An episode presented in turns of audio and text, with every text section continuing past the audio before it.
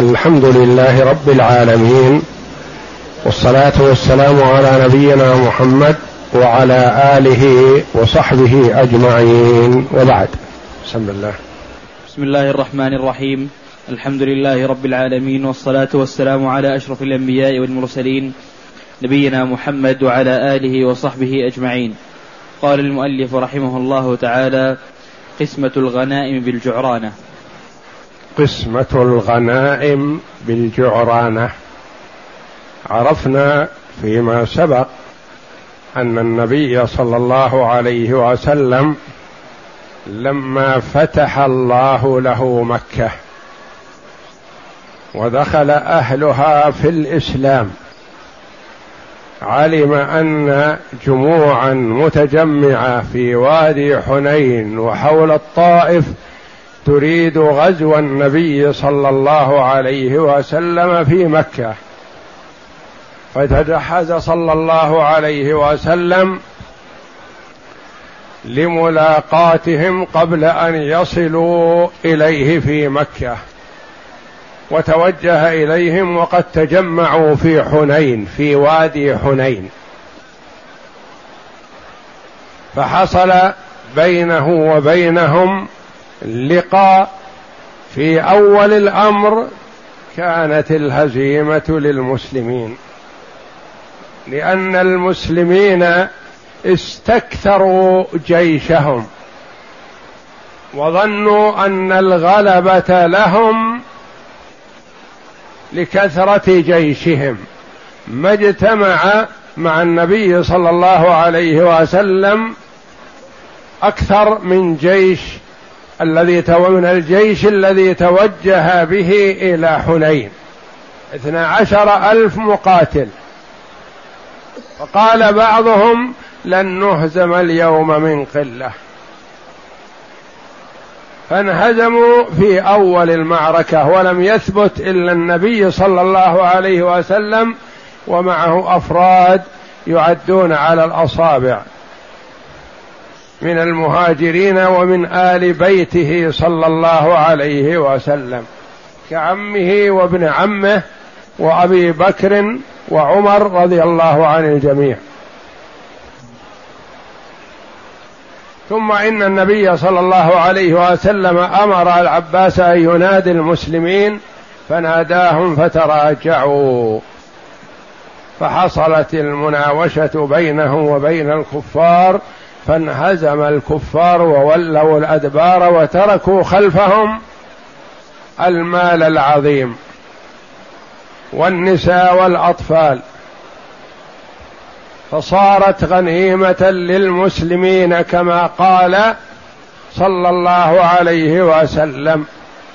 لما أخبر بأنهم تجمعوا وأحضروا ما لديهم من أموال وأولاد ونساء قال عليه الصلاة والسلام تلك غنيمتكم غدا إن شاء الله.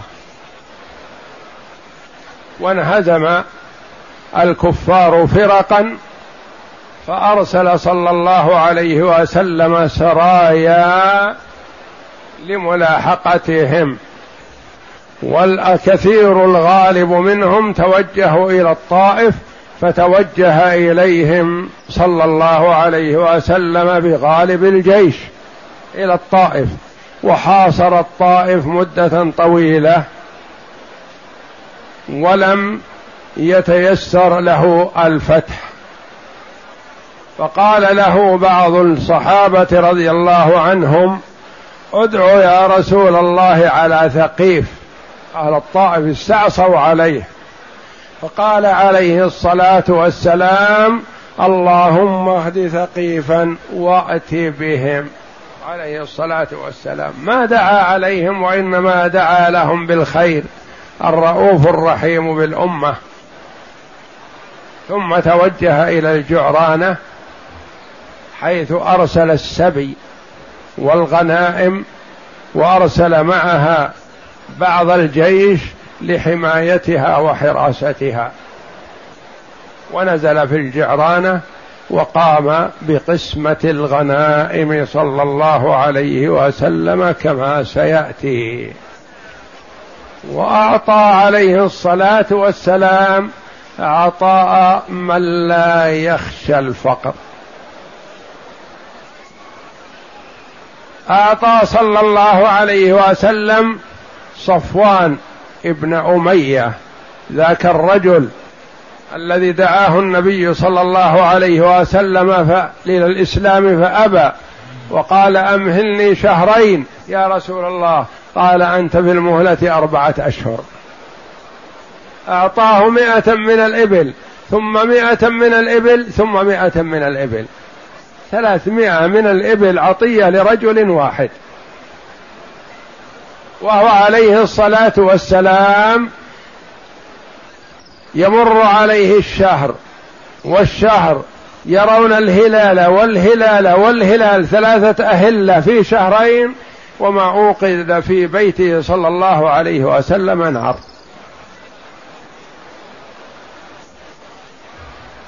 لا يدخر لنفسه شيئا عليه الصلاة والسلام وأعطى رجلا غنما بين جبلين.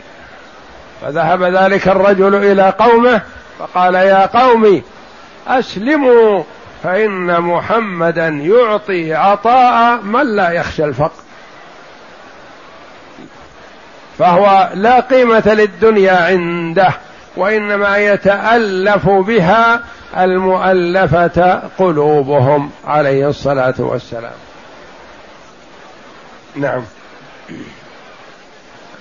ولما عاد رسول الله صلى الله عليه وسلم بعد رفع الحصار عن الطائف مكث بالجعرانة بضع عشرة ليلة لا يقسم الغنائم ويتأنى بها بضع عشرة ليلة يعني فوق العشر ليالي فوق الإحدى عشر ودون التسعة عشرة. أيام طويلة ينتظر لعل هوازن تأتي تعتذر. وتدخل في الإسلام فيرد عليهم أموالهم وأولادهم صلى الله عليه وسلم ونساءهم لأنه ما له هدف في المال والسبي من النساء والأطفال. يريد من الناس أن يشهدوا أن لا إله إلا الله وأن محمد رسول الله ليدخلوا الجنة. هدفه أن يدخل الناس في طاعة الله وطاعة رسوله يدخل الجنة. ما له نظر في الأموال ولا يريدها. وكما قال عمر بن عبد العزيز رضي الله عنه فإن الله بعث محمدا هاديا ولم يبعثه جابيا. ما بعثه ليجمع الأموال.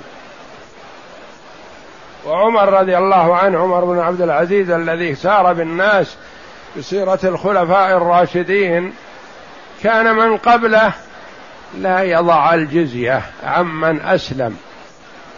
لأن الأصل أن توضع الجزية عمن أسلم. لأن نضع الجزية ليتعلموا ولينظروا في تعاليم الإسلام ليدخلوا في الدين. فإذا وضعنا عليه فرضنا عليهم الجزية لأجل أن نحميهم ولأجل أن يعرفوا الإسلام عن قرب. وإذا عرف العاقل تعاليم الإسلام اعتنقه لأنه خير كله. ما في شدة ولا فيه أغلال ولا في صعوبة وإنما هو يسير مع العقل السليم بإذن الله. وكما قال العربي ما حرم الإسلام والله ما حرم الإسلام شيئا وقلت ليته أحله. ولا أحل الإسلام شيئا وقلت ليته حرمه. يعني يسير مع العقل السليم بإذن الله.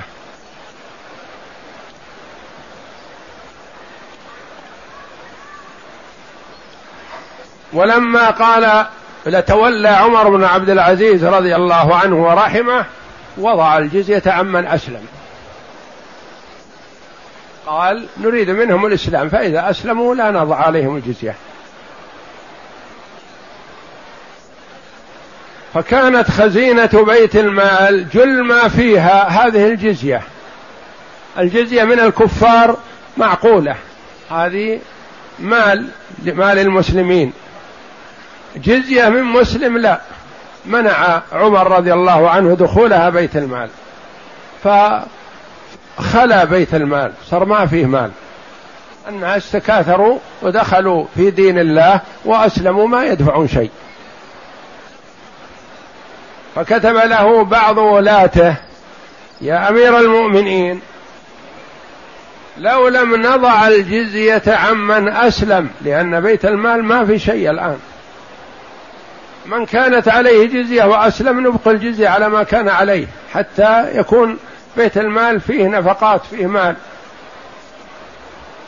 فعمر رضي الله عنه رد عليه وقال قبح الله رأيك. هذا رأي قبيح وهو رأي إسلامي. فإن الله بعث محمدا صلى الله عليه وسلم هاديا ولم يبعثه جابيا. ما بعثه يجمع الأموال عشان نجمع. وإنما بعثه ليهدي بني آدم ويدعو إلى الله الجن والإنس إلى عبادة الله وحده. وهذا هو الهدف.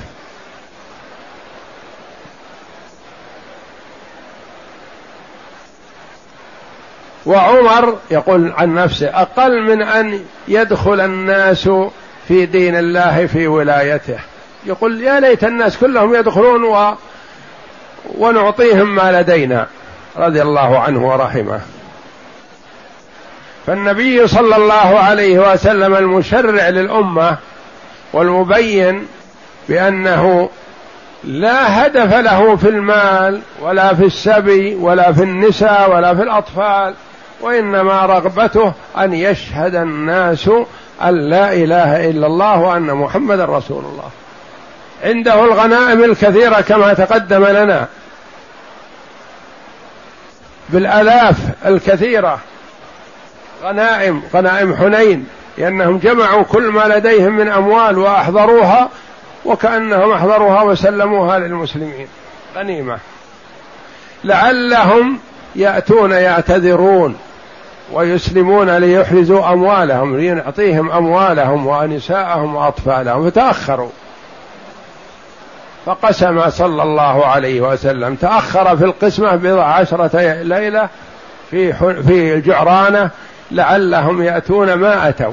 فقسم صلى الله عليه وسلم. نعم. ولما عاد رسول الله صلى الله عليه وسلم بعد رفع الحصار عن الطائف مكث بالجعرانة بضع عشرة ليلة لا يقسم الغنائم ويتأنى بها يبتغي أن يقدم عليه وفد هوازن تائبين فيح فيحرزوا ما فقدوا ولكنه لم يجئه أحد. فبدأ بقسمة المال ليسكت المتطلعين من من رؤساء القبائل وأشراف الناس واجد المتطلعين يريدون مال. ناس حديث عهد بالإسلام. يبون مال يبون إبل يبون غنم يبون فضة. نعم. فكان المؤلفة قلوبهم أول من أع... أول من أعطي وحظي بالأنصبة الجزلة وأعطي أبا سفيان بن حرب أربعين أوقية ومائة من الإبل. فقال ابني يزيد فأعطاه مثلها فقال ابني معاوية فأعطاه مثلها. وأعطى حكيم بن حزام مئة من الإبل ثم سأله مئة أخرى فأعطاها إياه. حكيم بن حزام أعطاه مئة من الإبل ثم أعطاه مئة أخرى مئتين. وأبو سفيان وأولاده ثلاثمائة من الإبل. نعم. وأعطى صفوان بن أمية مئة من الإبل ثم مئة ثم مئة كذا. كذا في الشفاء. وأعطى الحارث بن الحارث بن كلدة مئة ثم مئة ثم مئة ثلاثمائة لصفوان بن أمية الذي استعار منه الأدرع. استعار منه الأدرع قال غصبا يا محمد؟ قال عليه الصلاة والسلام لا بل عارية مؤدات تعيرنا إياها عارية ولا نأخذها غصب. نعم وأعطى الحارث بن الحارث بن كلدة مئة من الإبل. وكذلك أعطى رجالا من رؤساء قريش وغيرها مئة مئة من الإبل وأعطى آخرين. مئة مئة. يعني كان عطاؤه بمئة من الإبل. ما يعطي بالواحدة والثنتين والعشر والعشرين. عليه الصلاة والسلام. وأعطى آخرين خمسين خمسين وأربعين أربعين. حتى شاع في الناس أن محمدا يعطي عطاء من, يخاف من لا يخاف الفقر. فازدحمت عليه العرب. عطاء ما يخاف الفقر. نعم. حتى شاع. حتى شاع في الناس أن محمدا يعطي عطاء ما يخاف الفقر. فازدحمت عليه الأعراب يطلبون المال حتى اضطروه إلى شجر إلى شجرة. فانتزعت رداء. يعني تزاحموا حوله عليه الصلاة والسلام. فانتزعت رداءه. فقال انتزعت الشجرة رداءه لأنهم ضايقوه حتى قرب من الشجرة. وتعلق رداءه بالشجرة. فقال أيها الناس ردوا علي ردائي فوالذي نفسي بيده لو كان عندي شجرة, شجرة تهامة نعما لقسمته عليكم ثم ما ألفيتموني بخيلا ولا جبانا ولا كذابا. ثم قام إلى جنب بعيره فأخذ من سنامه وبرة فجعلها بين وبرة شعرة يعني من سنام البعير. نعم فجعلها بين إصبعيه ثم رفعها فقال أيها الناس والله ما لي من فيئكم ولا هذه الوبرة إلا الخمس والخمس مردود عليكم. وبعد إعطاء المؤلفة قلوبهم أمر رسول الله صلى الله عليه وسلم زيد بن ثابت بإحضار الغنائم والناس ثم فرض على الناس فرضها على الناس فكانت سهامهم لكل رجل أربعة, أربعا من الإبل وأربعين شاة. فإن كان فارسا أخذ اثني عشر بعيرا وعشرين ومائة شاة. يعني لما قسم على العموم صار نصيب كل واحد أربع من الإبل وأربعين شاة لأن الخير كثير. وإن كان فارس أعطاه أربع وأربع وأربع اثنى عشر. سهمان لفرسه وسهم له. والراجل والذي على الإبل أعطاه سهما واحدا. السهم الواحد أربع من الإبل وأربعين شاة كانت هذه القسمة مبنية على سياسة حكيمة فإن في الدنيا أقواما كثيرين يقادون إلى الحق من بطونهم لا من عقولهم. يقادون إلى الحق وإلى الجنة من بطونهم يعني تعطيهم ما يأكلون يدخلون. تمنع عنهم الدنيا ينفرون إن الناس يختلفون. نعم. وكما تهدى. فكما تهدى الدواب إلى طريقها بحزمة برسيب تظل تمد إليها فمها حتى تدخل حظيرتها آمنة. فكذلك هذه الأصناف من البشر تحتاج إلى فنون من الإغراء حتى تستأنس بالإيمان وتهش له. الأنصار تجد على رسول الله صلى الله عليه وسلم. هذه القسمة حيث آثر بها صلى الله عليه وسلم المؤلفة قلوبهم. الأنصار رضي الله عنهم وأرضاهم ما أدركوا الهدف الأساسي من هذه القسمة بهذا الشكل مع محبتهم لرسول الله صلى الله عليه وسلم.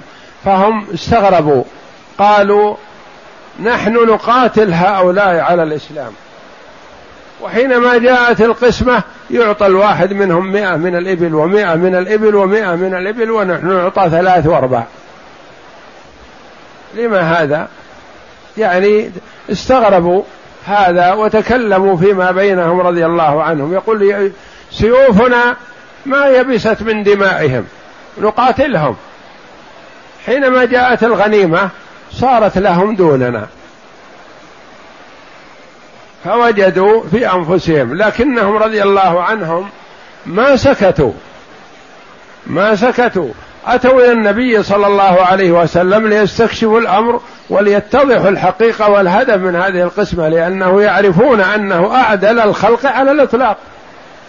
لا يمكن أن يجور ولا يظلم عليه الصلاة والسلام فهو معصوم. ما يعطي إلا لهدف وحكمة عليه الصلاة والسلام. الأنصار. الأنصار تجد على رسول الله صلى الله عليه وسلم. وهذه السياسة لم تفهم أول الأمر فأطلقت فأطلقت ألسنة شتى بالاعتراض وكان الأنصار ممن وقعت عليهم مغارم هذه السياسة. لقد حرموا جميعا أعطية حنين وهم الذين نودوا وقت الشدة فطاروا يقاتلون مع الرسول صلى الله عليه وسلم حتى تبدل الفرار انتصارا. وها هم أولئك يرون أيدي الفارين ملأ وأما هم فلم يمنحوا شيئا قط. روى ابن أيدي الفارين اللي فروا يوم حنين أعطوا مئات من الإبل واللي صفوا وقفوا مع الربي مع النبي صلى الله عليه وسلم ما أعطوا شيء. لما؟ ما هي ما ظهر لهم الحكمة. نعم. روى ابن إسحاق عن أبي سعيد الخدري قال لما أعطى رسول الله صلى الله عليه وسلم ما أعطى من تلك العطايا في قريش وفي قبائل العرب ولم يكن في الأنصار منها شيء وجد هذا الحي من الأنصار في أنفسهم حتى كثرت فيهم القالة حتى قال قائلهم لقى والله رسول الله صلى الله عليه لقي والله لقي والله رسول الله صلى الله عليه وسلم قومه يقول يعني إنه تركنا لأنه لقي قومه فأعطاهم العطايا ونحن ما أعطانا شيء. نعم. فدخل عليه سعد بن عبادة فقال هذا زعيم الأنصار رضي الله عنه وأرضاه. هو سعد بن معاذ وسعد بن معاذ توفي قبل هذا رضي الله عنه. وسعد بن عبادة دخل على النبي صلى الله عليه وسلم. ليخبره بحديث الناس حتى يكون على بصيرة ويبين الحق لأنه يعرف سعد رضي الله عنه أن الحق مع رسول الله صلى الله عليه وسلم لكن خفي عليهم فيريد الإيضاح والبيان. فدخل. فدخل عليه سعد بن عبادة فقال يا رسول الله إن هذا الحي من الأنصار قد وجدوا عليك في أنفسهم لما صنعت في هذا الفيء الذي أصبت قسمت في قومك وأعطيت عطايا عظاما في قبائل العرب ولم يك في هذا الحي من الأنصار منها شيء. قال فأين أنت من ذاك يا سعد من ذلك يا سعد؟ ما رأيك أنت يا سعد؟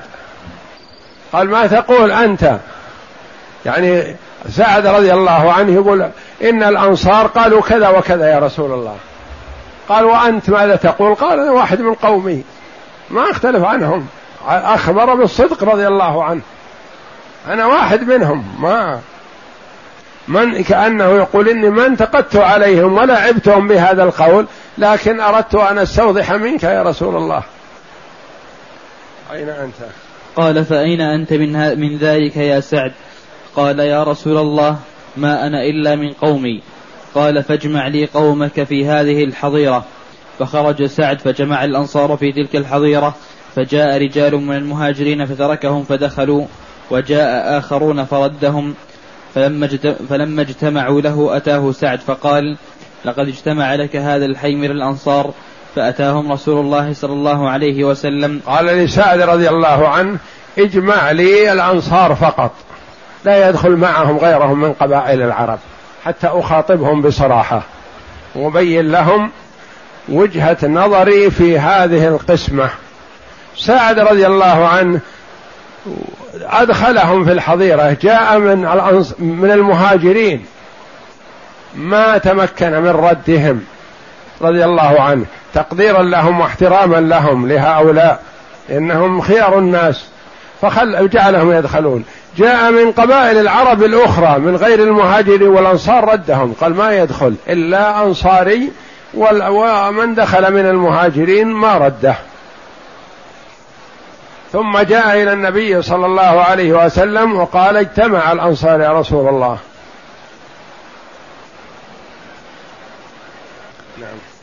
فأتاهم رسول الله صلى الله عليه وسلم فحمد الله وأثنى عليه ثم قال يا معشر الأنصار مقالة بلغتني عنكم وجدة وجدتموها علي في أنفسكم ألم آتكم ضلالا فهداكم الله بي وعالة فأغناكم الله فأغناكم الله وأعداء فألف الله بين قلوبكم. قالوا بلى الله ورسوله أمن وأفضل. يعني الفضل لله جل وعلا ثم لرسوله صلى الله عليه وسلم. هو عليه الصلاة والسلام ذكر أولا نعمة الله جل وعلا على الأنصار بقبولهم النبي صلى الله عليه وسلم وما حصل عليهم من السعادة والخير الدنيوي والأخروي. فقال يا معشر الأنصار مقالة بلغتني عنكم وجدة وجدتموها علي في أنفسكم. ألم آتكم ظلالا فهداكم الله؟ أم لم آتكم تعبدون الأصنام؟ تشركون كفار فهداكم الله بي للإسلام. قالوا بلى الله ورسوله أمن يعني المنة لله جل وعلا ثم لرسوله صلى الله عليه وسلم. وعالة فأغناكم الله. ألم تكونوا فقراء حينما أتيناكم فتكاثر الخير عندكم والحمد لله. قالوا بلى. وأعداء كانوا متناحرين. الأنصار الذين تسموا بهذا الاسم كانوا الأوس والخزرج وكان الأوس والخزرج بينهم الحروب الطاحنة. يقتل بعضهم بعض وصاروا بعد هذا باسم واحد إخوة متحابين متآلفين اسمهم الأنصار أنصار رسول الله صلى الله عليه وسلم. نعم. ثم قال ألا تجيبوني يا معشر الأنصار؟ قالوا بماذا نجيبك يا رسول الله؟ لله ولرسوله المن والفضل. يقول ألا تجيبوني؟ ما لكم سكتتم. ألا تجيبونني؟ يعني تردون علي فيما قلت هذه المقالة لكم. تقولون ما كان منكم من الخير والفضل. قالوا ماذا نقول يا رسول الله؟ يعني ما قلت إلا حق. كل ما قلته حق والمنة لله جل وعلا ثم لرسوله صلى الله عليه وسلم.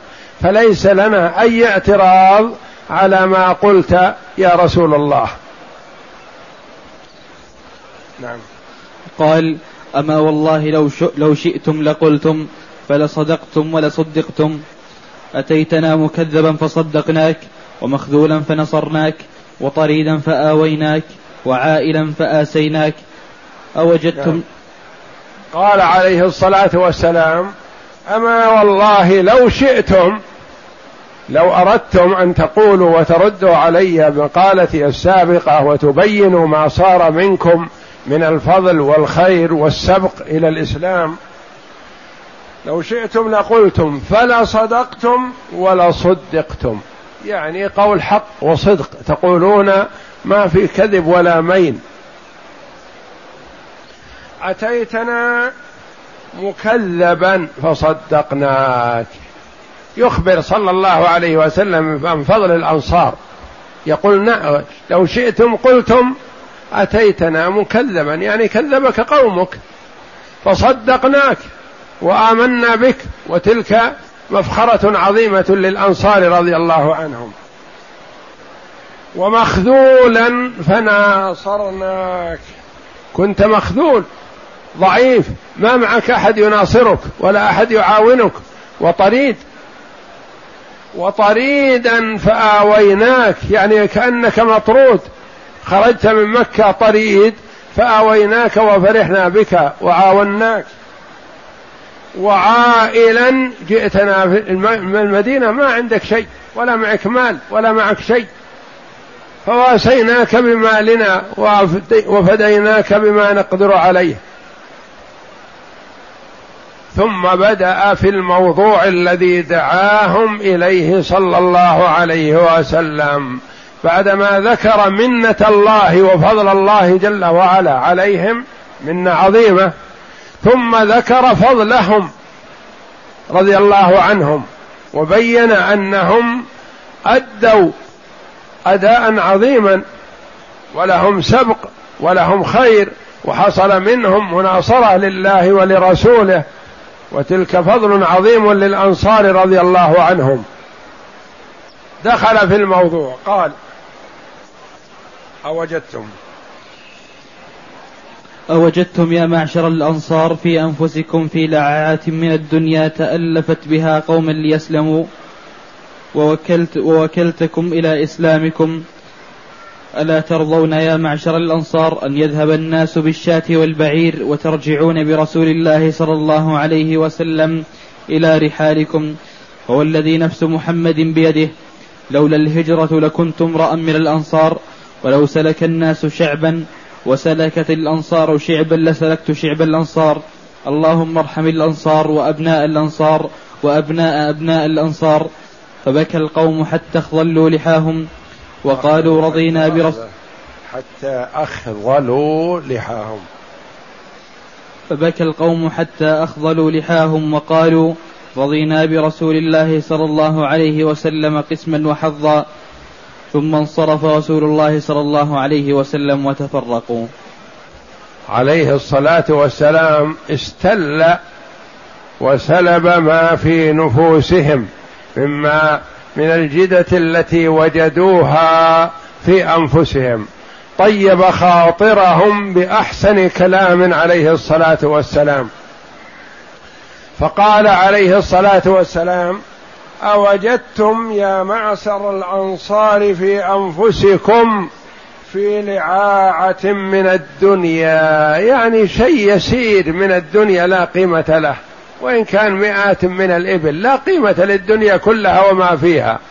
هذه تؤثر على أنفسكم يا معشر الأنصار. أنتم أعلى شأن وأعظم قدر ولكم فضل عند الله جل وعلا وهذه لا قيمة لها.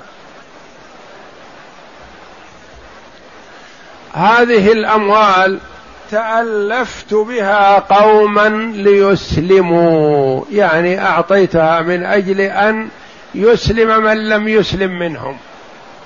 ومن أسلم منهم ليتقوى إسلامه وإيمانه. قلتكم إلى إسلامكم. أنتم مسلمون وأنتم مؤمنون. وأنا مطمئن على إسلامكم. إنه ما يحتاج أن أعطيكم ليتقوى. أنتم في قوة وفي إيمان. والدنيا لا قيمة لها عندي ولا عندكم. ألا ترضون يا معشر الأنصار أن يذهب الناس بالشاة والبعير؟ الآن في الجعرانة موضع قسمة. هؤلاء يذهبون بالشياه وهؤلاء يذهبون بالأباعر وأنتم تذهبون برسول الله صلى الله عليه وسلم. أيها أفضل يا معشر الأنصار؟ أنا واحد منكم. أنا ما أخذت لنفسي وحرمتكم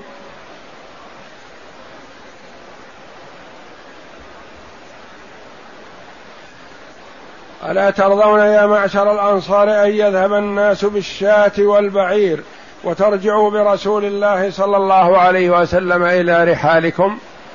الناس الآن بعد هذه المعركة والغزوة يتفرقون. كل قبيلة تذهب إلى جهتها. طي يذهبون إلى طي أسد يذهبون إلى نجد بني أسد بني سليم يذهبون إلى مساكنهم. وهكذا الناس يتفرقون وأنتم تذهبون إلى رحالكم ومعكم الغنيمة العظمى رسول الله صلى الله عليه وسلم. ومعكم الكسب الكبير معكم الرسول. ما معكم شيعة ولا باعر لكن معكم الرسول عليه الصلاة والسلام. يكفيكم.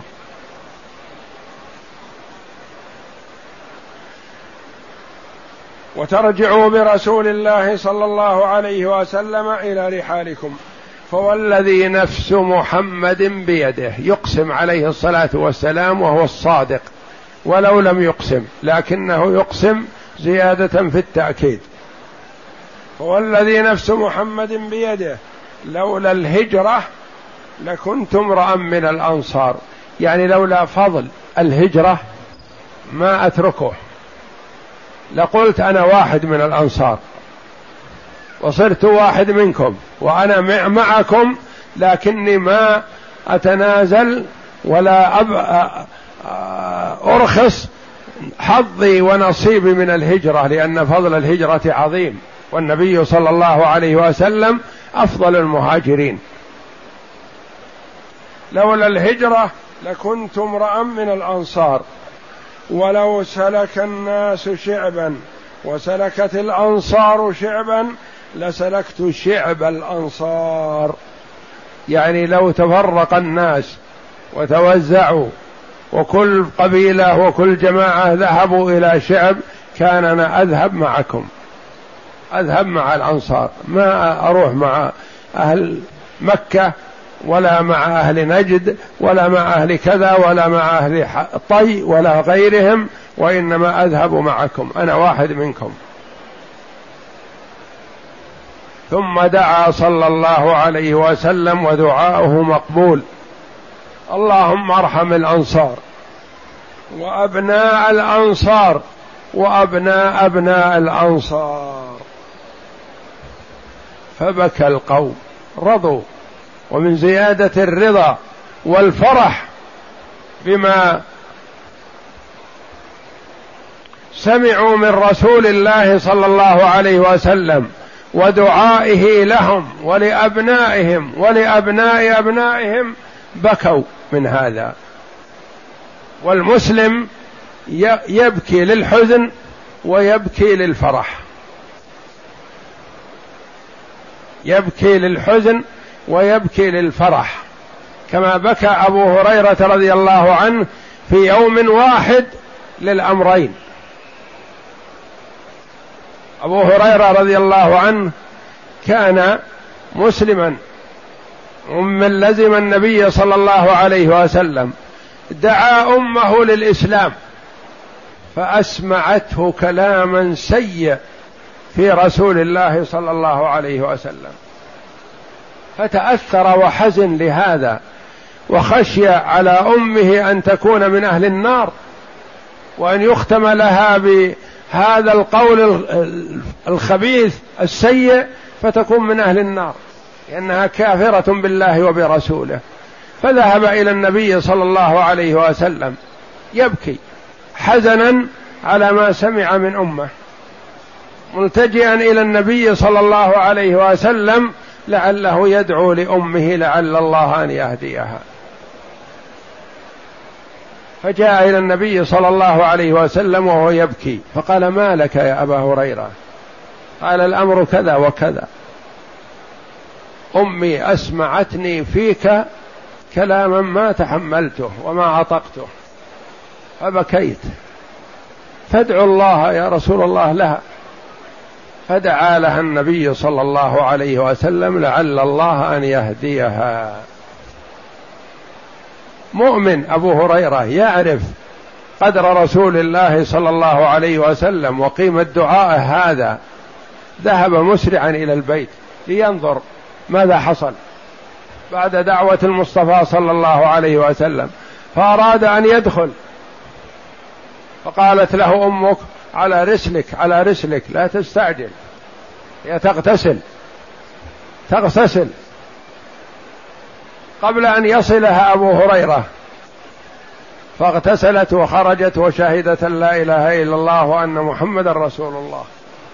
فبكى أبو هريرة فرحا بهذه النتيجة السريعة من دعوة النبي صلى الله عليه وسلم. كانت أسرع منه من ذهابه إلى النبي ورجوعه. من الله جل وعلا.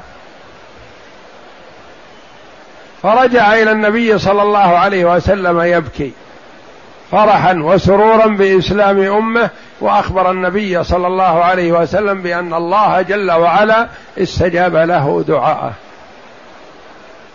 وهؤلاء الصحابة رضي الله عنهم الأنصار لما قال لهم النبي صلى الله عليه وسلم هذا الكلام المختصر لكنه في منتهى التقدير والاحترام لهم والتمييز والتفضيل أن الناس يذهبون بالشاة والبعير. وأنتم يا معشر الأنصار معكم محمد صلى الله عليه وسلم. معكم رسول الله. هو غنيمتكم وهو كسبكم. والدنيا عابرة بمال أو بدون مال. لكن السعادة الحقة هي السعادة الأخروية. والسعادة العظمى أن تكونوا مع النبي صلى الله عليه وسلم. فعند ذلك بكوا رضي الله عنهم وذهب ما في نفوسهم وسروا وفرحوا بهذا الكلام الذي سمعوه من النبي صلى الله عليه وسلم وهو الذي عليه الصلاة والسلام لا يجامل ولا ينطق عن الهوى كلامه حق وصدق. فبكى القوم حتى اخضلوا لحاهم يعني صارت لحاهم تنطق تقطر من بكائهم من دموعهم رضي الله عنهم تاسفا على ما جاء في أنفسهم وفرحا بما سمعوا من رسول الله صلى الله عليه وسلم من هذه البشارة العظيمة. وقالوا رضينا برسول الله صلى الله عليه وسلم قسما وحظا. أكبر قسم وأكبر حظ أن يكون الرسول معنا والناس معهم الإبل والغنم. ثم انصرف رسول الله صلى الله عليه وسلم وتفرقوا. وهذا يعطينا درس بأن المسلم إذا توقع أن أخاه وجد عليه. الآن يحصل من بين بعض أفراد الأسرة أو الأقارب أو الجيران شيء من حزازه النفوس ثم ينمو ينميه الشيطان اللعين. فلو أن الأخ مسك أخاه أو ابن العم مسك ابن عمه أو الجار مسك جاره وصارحه وقال الحقيقة أنا وجدت عليك في كذا وما وجدت لها تفسير وأحب أن تبين لي قصدك وهدفك ذاك يقول لا والله ما في نفسي عليك أي شيء وأنا أحبك وأنا أدعو لك وأنا أود لك ما أود لنفسي وما وقع في نفسي عليك أي شيء والأمر كذا وكذا واتضح زال ما في النفوس. وإذا كل واحد أو وجد في نفسه شيء بدأ الشيطان ينميه ويفسره ويزيده تفرق الناس وتباعدوا.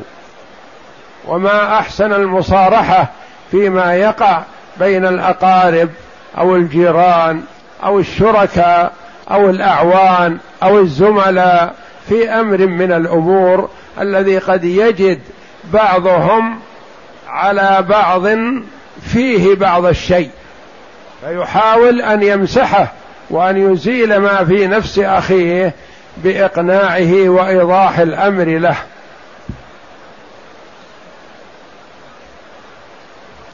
فتفرق الأنصار رضي الله عنهم وأرضاهم وقد زال ما في نفوسهم من هذه القسمة التي النبي صلى الله عليه وسلم قصد بها التأليف للإسلام.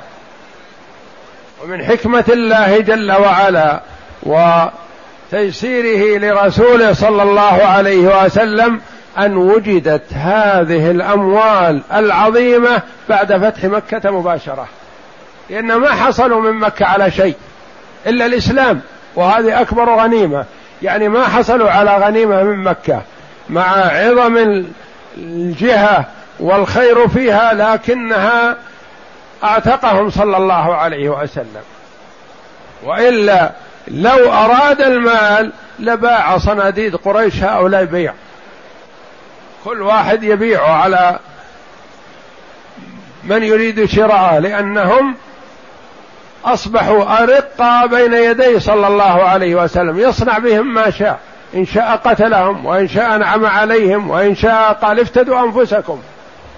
يفتدون أنفسهم مثل ما قال له ثمامة بن مالك ثمامة بن اثال إن أردت المال فاطلب ما شئت لما جيء بها أسير. قال إن تمن تمن على شاكر وإن تقتل تقتل ذا دم. أنا لي سوابق سيئة نحوك ونحو أصحابك. مستحق. وإن تطلب المال اطلب ما شئت. أعطيك الكثير لأنه أسير مربوط في سارية من سواري المسجد وهو أمير وملك اليمامة يقول على أهل نجد كلهم إن تطلب المال اطلب. فكفار قريش حينما اجتمعوا حوله صلى الله عليه وسلم وهو واقف بباب الكعبة يقول لهم ما تظنون أني فاعل بكم؟ ما هو ظنكم؟ أسرع الحين بين يديه قتل بيع من؟ قال عليه الصلاة والسلام اختار الخصلة العظيمة الطيبة المباركة قال اذهبوا فأنتم الطلقاء. لأنهم قدموا نحوه الأعمال السيئة القبيحة أساءوا إليه اساءه بالغة عليه الصلاة والسلام وأطلق سراحهم واعتقهم لله عليه الصلاة والسلام. فهو خرج من مكة ما معه شيء عليه الصلاة والسلام حتى العتاد والسلاح أخذه عارية. أخذ كذا درع من صفوان بن أمية عارية أعطاها للمسلمين. فساق الله جل وعلا هذا الخير الذي تألف به. مسلم ما أسلم إلا منذ عشرة أيام أو أقل يعطيه ثلاثمائة من الإبل. ويعطي أبو سفيان مئة وابنه يزيد مئة وابنه معاوية مئة. عليه الصلاة والسلام. وذلك أن الدنيا لا قيمة لها عند الله ولا عند رسوله صلى الله عليه وسلم وإنما هو يعطيهم ليتألفهم. ويبيت طاويا عليه الصلاة والسلام. يبيت جائع ويعطي العطاء الجزيل عليه الصلاة والسلام. قدوم وفد هوازن جاءوا لكن بعدما قسم النبي صلى الله عليه وسلم. وسيأتي شفاعته صلى الله عليه وسلم لهوازن لدى من عنده شيء من أطفالهم ونسائهم وموقف العرب من ذلك واستجابة المهاجرين والأنصار لرسول الله صلى الله عليه وسلم. قال المؤلف رحمه الله تعالى قدوم وفد هوازن. قدوم وفد هوازن. لما نصر الله جل وعلا رسوله محمدا صلى الله عليه وسلم في غزوة حنين بين مكة والطائف. وغنم الرسول صلى الله عليه وسلم والمؤمنون من هذه الغزوة غنائم كثيرة. نساء وأطفال وإبل وغنم وذهب وفضة وأموال كثيرة. ثم إن النبي صلى الله عليه وسلم أرسل الغنائم هذه إلى مأمن إلى الجعرانه حتى لا ينطلق إليها الأعداء ويأخذونها على غرة. ووكل بها مجموعة من الصحابة رضي الله عنهم لحراستها والقيام عليها. وتتبع صلى الله عليه وسلم فلول المشركين وأرسل السرايا وذهب بنفسه عليه الصلاة والسلام ومعه غالب الجيش وحاصر الطائف حصارا طويلا إلا أنهم كانوا في منعة. وطال الحصار وأراد صلى الله عليه وسلم تركهم. فقال له بعض من حضر ادع يا رسول الله على ثقيف. فقال اللهم اهد ثقيفا وأت بهم عليه الصلاة والسلام. شق عليه حصارهم وتعب معهم ولم يدع عليهم صلى الله عليه وسلم وإنما دعا لهم. اللهم اهد ثقيف. دعا لهم بالهداية التي يحبها صلى الله عليه وسلم للثقلين الجن والإنس. فهو يدعوهم إلى الله جل وعلا ليهتدوا وليدخلوا الجنة. وليفردوا الله جل وعلا أولا بالعبادة. ولا يريد منهم مالا ولا مغنم ولا شيئا من هذا عليه الصلاة والسلام. وتحرى صلى الله عليه وسلم بركة دعوته هذه. ورجع صلى الله عليه وسلم إلى الجعرانة. وانتظر في قسمة الغنائم. لعلهم يأتون يرعون يعرفون خلق الرسول صلى الله عليه وسلم وسماحته وكرمه عليه الصلاة والسلام ورأفته ورحمته بمن آمن واتبع الهدى. وربما أنه بلغهم دعوة النبي صلى الله عليه وسلم مع ما شقوا عليه في الحصار حاصرهم حصارا طويلا ولم يدرك منهم شيء.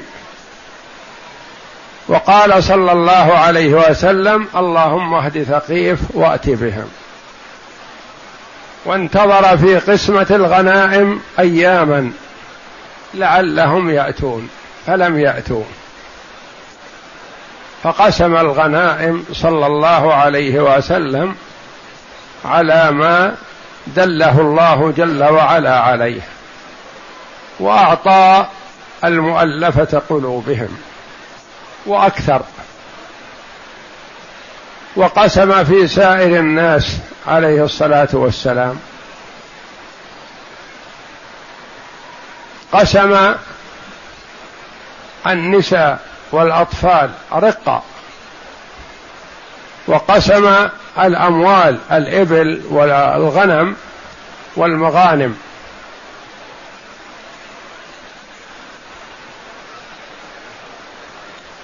والمؤلفة قلوبهم أناس لهم من الزكاة كما قال الله جل وعلا وفي المؤلفة قلوبهم وفي الرقاب. وهم إما كافر يرجى إسلامه أو كافر يرجى كف شره أو مسلم يرجى تقوية إسلامه أو مسلم يرجى إسلام نظيره يعني مثيله. ممن لم يسلم. فهم يعطون لا لذواتهم وإنما يعطون للإسلام. ولم يعط الأنصار إلا القليل. فكأنهم تأثروا من هذا وكما تقدم لنا جمعهم صلى الله عليه وسلم وطيب قلوبهم بكلماته الطيبة عليه الصلاة والسلام. وقال أولئك أتألفهم وأنتم وكلتكم إلى ما في قلوبكم من الإيمان بالله ورسوله. ألا ترضون أن يذهب الناس بالشاء والبعير وتذهبون أنتم برسول الله صلى الله عليه وسلم إلى رحالكم؟ أنا واحد منكم. عليه الصلاة والسلام فطابت نفوسهم ورضوا رضي الله عنهم وأرضاهم. ولما قسم الغنائم وأخذ كل نصيبه جاء وفد هوازن. جاء الوفد منهم مسلمون. ويطلبون من النبي صلى الله عليه وسلم رد أموالهم ونسائهم وأطفالهم. وندموا على ما حصل منهم. فقال له النبي صلى الله عليه وسلم أيهما أحب إليكم؟ النساء والأولاد أم الأموال؟ واصدقوني في هذا. قالوا يا رسول الله لا نعدل بأولادنا ونسائنا شيء لا من مال ولا غيره. فوعدهم صلى الله عليه وسلم خيرا كما سيأتي بأنه سيعطيهم ما صار إليه وما صار للمهاجرين والأنصار وأما بقية العرب عشر ألف من العرب عدد الجيش فهو عليه الصلاة والسلام أرجع الأمر إليهم إلى كل قبيلة إن شاءت أن تتبرع بما صار إليها من غنائم هوازن أو يأخذها النبي صلى الله عليه وسلم ويعوضها عنها في أول غنيمة يغنمها. وهذا من تواضعه صلى الله عليه وسلم وأنه لا يستبد بالأمر. ما أعطى هؤلاء الوفد ما أرادوا وإنما قال ما لي أنا وما للمهاجرين وما للأنصار أرده عليكم. وأما بقية الناس فأرجع إليهم. فإن رضوا فبها وإلا فقد صار لهم ما صار. وأعطوا ما أعطوا.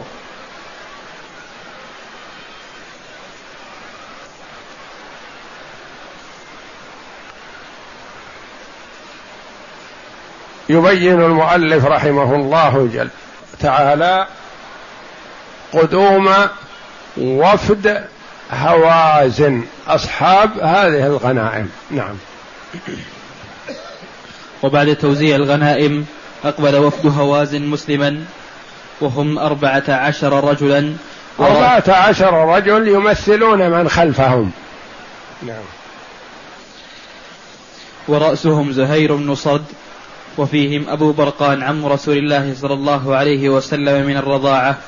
فسأل أبو برقان هذا عم للنبي صلى الله عليه وسلم من الرضاعة. أخ لأبيه من الرضاعة لا من النسب. فسألوه أن يمن عليهم بالسبي والأموال. وكأنهم أخذوا هذا الرجل أبو برقان ليتقربوا به إلى النبي صلى الله عليه وسلم وليستعطفوه بعمه من الرضاعة. كما من صلى الله عليه وسلم وكانت مع السبي على أخته من الرضاعة. فسألوه أن يمن عليهم بالسبي والأموال وأدلوا إليه بكلام ترق له القلوب. يعني تلطفوا معه بدل ما كانوا يحاربونه. وكالكلام بينهم وبينه بالسلاح أصبح بكلام رقيق فيه استعطاف. والنبي صلى الله عليه وسلم كما وصفه ربه رؤوف رحيم. وأدلوا إليه بكلام ترق له القلوب فقال إن معي من ترون وإن معي هؤلاء اثنى عشر ألف ولا أقول عليهم. وإن أحب الحديث إلي أصدقه فأبناؤكم. أحب أن تصدقونني بما تعتقدونه وترونه خيرا لكم. تبون الأبناء والنساء وإلا تبون الأموال؟ فأبناءكم ونساءكم أحب إليكم أم أموالكم؟ قالوا ما كنا نعدل بالأحساب شيئا.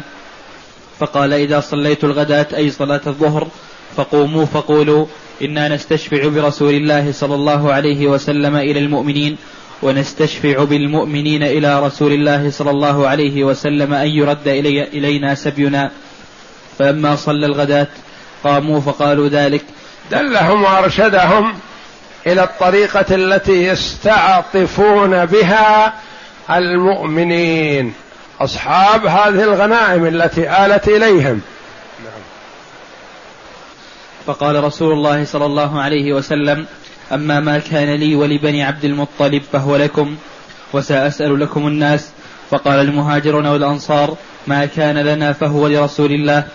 فقال الأقرع بن حابس أما أنا وبنو تميم فلا. هذا كبير بني تميم. يقول لا أنا ما أعطيه النصيب الذي جاء بيدي لي ولا أتنازل عنه. نعم. وقال عوينة بن حسن أما أنا وبنو فزارة فلا. فكذلك كبير بني فزارة هو عيينة ابن حسن. قال لا أنا ما أعطي. الذي آل إلينا لا نتنازل عنه. نعم.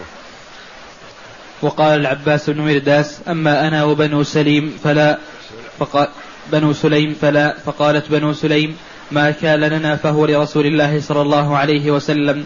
فقال العباس بن مرداس وهنتموني. العباس بن مرداس قلد من قبله. قال أما أنا وبنو سليم فلا مثل من سبق. فقام بنو سليم وقالوا لا. أنت ما تقول علينا تقول على نفسك. أما ما كان لنا فلرسول الله صلى الله عليه وسلم ما هو بلك. ولا أنت التي تقول علينا. فقالوا أما ما كان لنا فلرسول قال وهنتموني يعني كسرتم عظمي يعني خجلتموني مع الجماعة. أنا الجماعة الأوائل قالوا عن أنفسهم وعن قومهم. وأنا قلت عني وعن وعن قومي وعنكم لكنكم أنتم رفضتم وهؤلاء اختاروا الرسول صلى الله عليه وسلم فهم يشكرون على هذا ويثنى عليهم به قالوا ما كان لنا فليس لك ولا نفوضك فيه وإنما هو لرسول الله صلى الله عليه وسلم. نعم. فقال رسول الله صلى الله عليه وسلم إن هؤلاء القوم جاءوا مسلمين هذا من شفاعته صلى الله عليه وسلم لهؤلاء القوم عند هؤلاء الغزاة عند الذين توقفوا ورفضوا. وقد كنت استأنيت سبيهم وقد خيرتهم فلم يعدلوا بالأبناء والنساء شيئا فمن كان عنده منهم يقول جاءوا مسلمين الآن فهم إخوانكم. وجاءوا يستعطفونكم وتعرفون أني تأخرت في القسمة رجاء أن يأتوا. فلو جاءوا قبل أن يقسم النبي صلى الله عليه وسلم لملك أن يرد إليهم المغانم لأنها ما صارت إلى أحد وإنما هي لله ولرسوله. فلو جاءوا قبل القسمة لردها عليهم لكنهم تأخروا وقسم. وقد استأنيت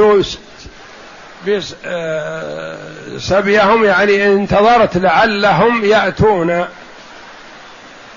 وقد خيرتهم فلم يعدلوا بالأبناء والنساء شيئا. يقول ما يمكن نرد عليهم الأموال والأبناء والنساء جميع وقد قسمت. لكني خيرتهم بين أن يختاروا النساء والأبناء نردها عليهم وتذهب عليهم الأموال أو نرد عليهم الأموال وتذهب عليهم الأبناء والنساء فيكونون أرقا بأيدي المسلمين الذين آلت إليهم بالقسمة من رسول الله صلى الله عليه وسلم. نعم. فمن كان عنده فمن كان عنده منهن شيء فطابت نفسه. منهن يعني من السبي من النساء والأطفال. فطابت نفسه بأن يرده فسبيل ذلك. ومن أحب أن يتمسك بحقه فليرد عليهم. وله وله بكل فريضة ست فرائض من أول ما يفيء الله علينا. فقال الناس قد, طيب قد طيبنا لرسول الله صلى الله عليه وسلم. فقال إنا لا نعرف من رضي منكم ممن لم يرضى. فارجعوا حتى يرفع, يرفع إلينا عرفاءكم أمركم. فردوا عليهم نساءهم وأبناءهم لم قال عليه الصلاة والسلام من كان عنده شيء من السبي فليرده فإن كان بطيب خاطر منه محتسبا فبها وإن لم يكن بطيب خاطر ويريد فنحن نعوضه من أول فريض من أول غنيمة يفيء الله جل وعلا بها علينا نعطيه نعطيه العوض. فقالوا قد طبنا وطيبنا ذلك لرسول الله صلى الله عليه وسلم. يعني سمحت أنفسنا وسكت بعضهم. فقال عليه الصلاة والسلام إنا لا نعرف هذا من هذا ولكن اذهبوا حتى يرفع إلينا عرفاؤكم فنعرف من سمح بطيب خاطر ومن كان يريد التعويض حتى نعوضه. نعم. فارجعوا حتى يرفع إلينا عرفاءكم أمركم. فردوا إليهم نساءهم وأبناءهم لم يتخلف منهم أحد غير عيينة بن حصن فإنه أبى أن يرد عجوزا صارت في يديه منهم ثم ردها بعد ذلك. وكسى رسول الله صلى الله عليه وسلم السبي قبطية قبطية. بنو آه، عيينة بن حصن كبير بني فزارة رفض أن يرد امرأة كانت معه وقال عنها المؤلف إنها عجوز لكنه تمسك بها ثم إنه لأن بعد هذا. يدل على صلابة بعض العرب وأنهم يتمسكون بما يقولون بما برأيهم ثم إنه لأن بعد هذا وردها. ثم إنه كسى رسول الله صلى الله عليه وسلم السبي تطيبا لخواطرهم وإدخالا للسرور عليهم وردهم إلى أهليهم النساء والأطفال. ومن المعلوم أن النساء والأطفال إذا سبوا فإنهم يكونون غنيمة للمسلمين وهذا هو أصل الرق الشرعي. الرق الشرعي أن يكون القتال بين المسلمين والكفار. فيتغلب المسلمون ويسبو النساء والأطفال من المشركين من الكفار. فيكون هؤلاء السبي يعني غنيمة. والمرأة إذا آلت إلى الرجل المسلم تكون نصيبه مثلا في القسمة هو مخير. إن شاء استبرأها وجعلها له فراشا أمة. والإماء ليس لهن عدل ما هم مثل الزوجات. الزوجة ما يتجاوز المسلم أربعة. وأما السبي لو حصل على شيء كثير بسبي أو شراء فهو حلال له. فإن شاء استبرأها بحيضة و جعلها فراشا له وإن شاء باعها لأنها غنيمة مال. وإن شاء زوجها من أراد على أن يكون أولادها أرقاء له يعني تنتج له أرقاء. فهذا هو أصل الرق في الإسلام السبي في القتال بين المسلمين والكفار. وأما ما يسرق من أهله فليس هذا برقيق ولا يجوز استرقاقه. وإذا علم المسلم أن هذا مسروق من أهله فلا يجوز له أن يستخدمه لأنه حر.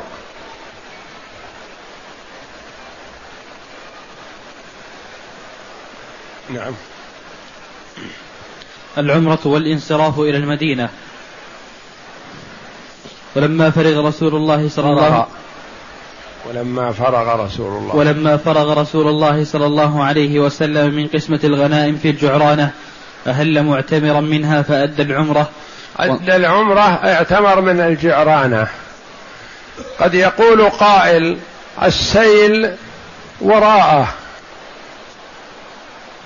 قرن المنازل ميقات أهل الطائف ومن خلفه. لما تجاوزه صلى الله عليه وسلم يقول إن النبي صلى الله عليه وسلم خرج من مكة إلى حنين ثم إلى الطائف مقاتلا مجاهدا. ثم رجع من الطائف إلى الجعرانه لقسمه الغنائم والتوجه إلى المدينة. ما كان والله أعلم يريد العمرة. ولما أقام في الجعرانه أياما وانتظر وفد هوازن وجاءوا هناك وقسم الغنائم في الجعرانة بدأ له صلى الله عليه وسلم أن يعتمر. فأحرم من الجعرانة وتوجه إلى مكة بعمرة ومن مكة توجه إلى المدينة. وهكذا من جاء إلى حاجة ما ما يريد حجا ولا عمرة. مثلا جاء من جهة المدينة تجاوز ميقات أهل المدينة ونزل في جدة لحاجة لتجارة لمعاملة لعلاج لأي غرض من الأغراض. ما كان يريد العمرة. ثم لما وصل إلى جدة ورأى أن مكة قريبة منه وما ينبغي له أن يعود وما زارها عن له أن يعتمر. فإنه يحرم من مكانه ولا نقول له ارجع إلى الميقات. كذلك مثلا من جاء من المشرق من الرياض وما وراءه يريد الطائف ويريد عمل أو شغل في الجعرانة أو في السيل أو في ما بين السيل ومكة مثلا. الزيمة وغيرها مثلا من الأماكن. ما كان يريد عمره. جاء ونزل بين الميقات وبين مكة. ثم بدا له أن يعتمر. نقول يحرم من مكانه ولا يلزم أن يعود إلى الميقات. لأن النبي صلى الله عليه وسلم قال لما ذكر المواقيت قال هن. يعني هذه المواقيت الأربعة. هن لهن. ولمن أتى عليهن من غير أهلهن ممن أراد الحج أو العمرة. ومن كان دون ذلك فمن حيث أنشأ. هذا الشاهد عندنا. من كان دون الميقات فمن حيث أنشأ نية العمرة. يحرم.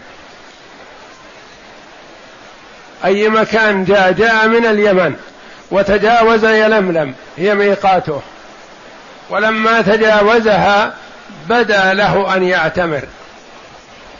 نقول أحرم من مكانك. جاء من اليمن يريد العمرة. وتجاوز يلملم بدون إحرام. ثم أراد أن يحرم. نقول ارجع إلى الميقات. لما؟ لأن هذا جاء من تلك الجهة يريد عمرة أو حج فيحرم من الميقات تجاوز الميقات يعود إليه.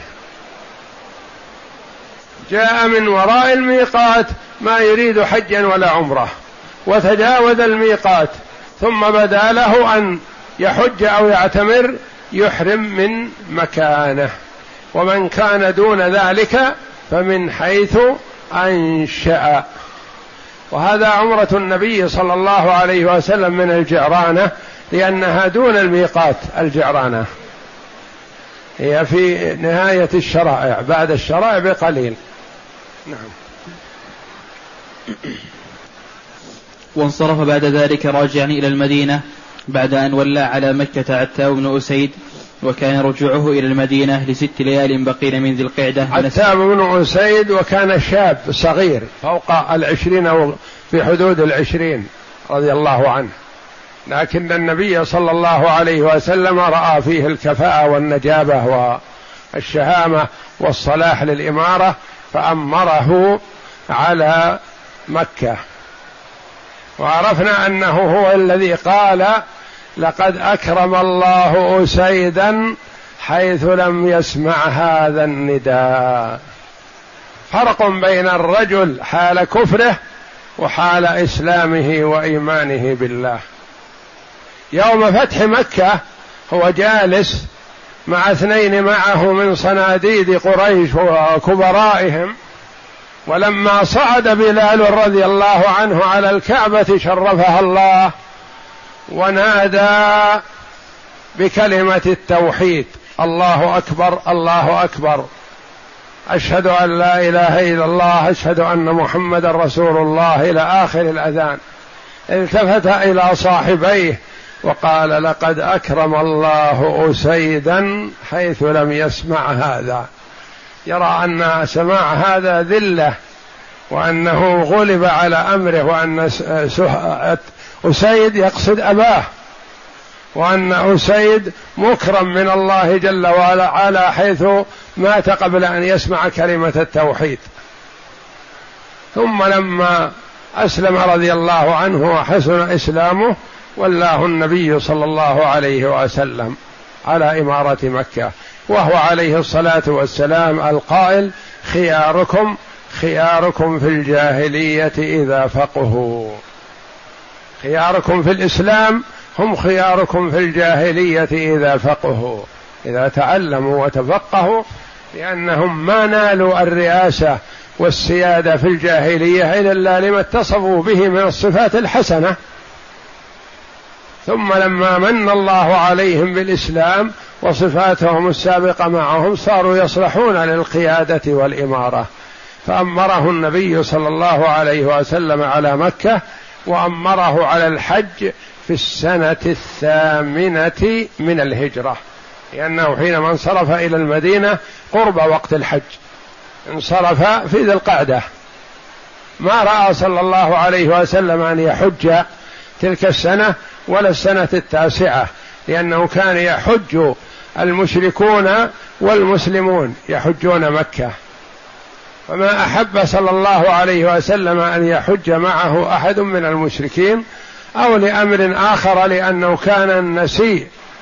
أخلف الحساب عليهم فكانوا يحجون في غير وقت الحج الصحيح بسبب النسي. يعني يؤخرون المحرم ويقدمون عليه الشهر الحلال يتلاعبون في الأشهر في الجاهلية.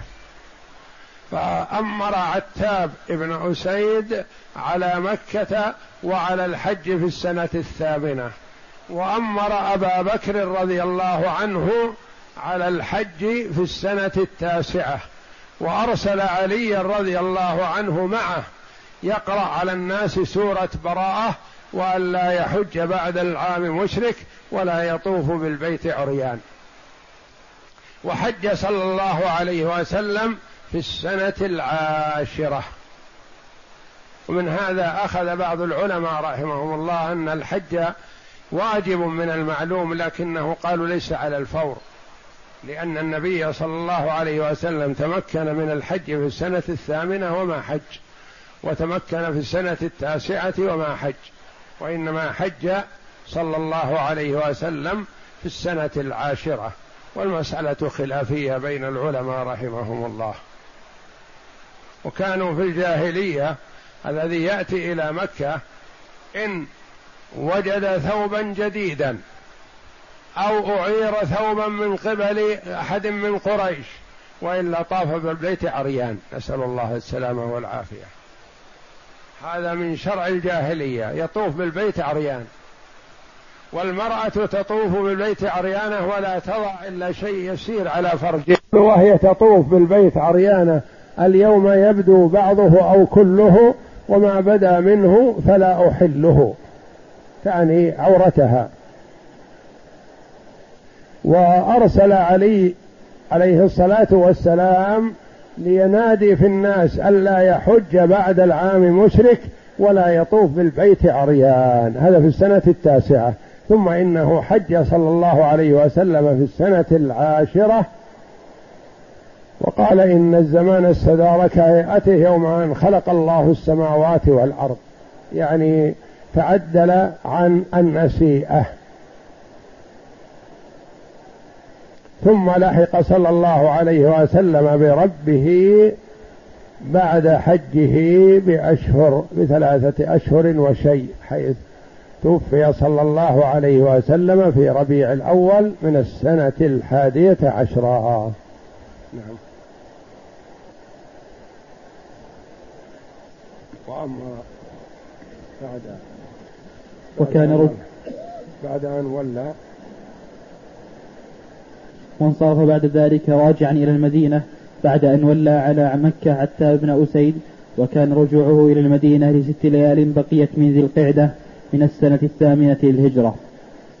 قال محمد هذه سفرة طويلة لأنه خرج صلى الله عليه وسلم من من المدينة برمضان. وعاد إليها في أواخر ذي القعدة. قال محمد الغزالي لله ما أفسح المدى بين هذه الآونة الظافرة بعد أن تو... هذه الآونة يعني الرجوعة.